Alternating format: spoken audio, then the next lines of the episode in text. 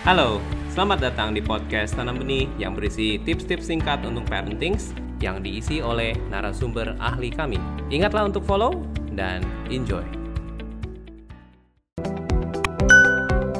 Kalau saya cerita tentang quality time, jangan berpikir itu harus 3 jam, 4 jam.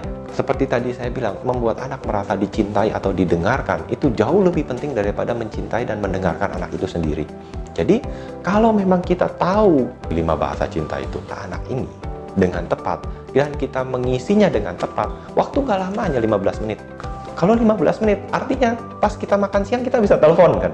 Kalau kebetulan bahasa cintanya kata-kata. Jadi jangan membayangkan oh harus menyediakan waktu khusus dan lain-lain. Atau kalau misalnya nanti kado, ya kita nggak harus beli kadonya, kita bungkus khusus buat dia, gitu kan? Kita berikan pita, lalu kita berikan ke dia. Bisa jadi itu cuma seragam dia yang memang kita harus beli mungkin untuk dia mulai tahun ajaran baru. Nothing special gitu ya.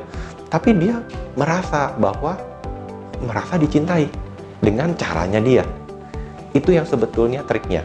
Kita harus tahu anak ini bahasa cintanya apa, lalu menggunakan cara yang tepat. Jadi, ini juga berlaku sebaliknya. Kalau dia punya bahasa cinta tertentu, contohnya fisik, ya. Jadi kalau misalnya masih ada orang tua orang tua yang zaman dulu memukul atau mencubit, itu akan sakit hatinya luar biasa sekali karena persis di bahasa cinta dia.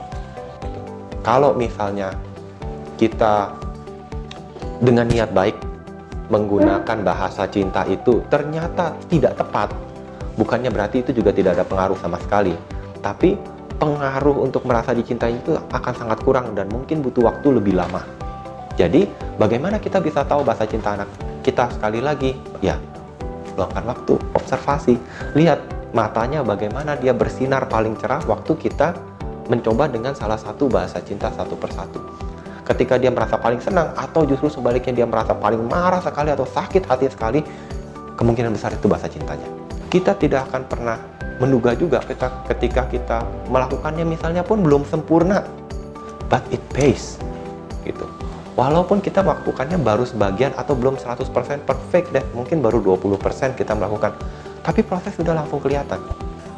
Gitu. Nah, itu yang harus dicari. Anda baru saja memperluas pengetahuan parenting Anda. Follow podcast Tanah Benih di Spotify untuk terus mendapatkan update pengetahuan parenting. Mari bersama-sama menjadi orang tua yang lebih baik untuk generasi bangsa yang lebih baik.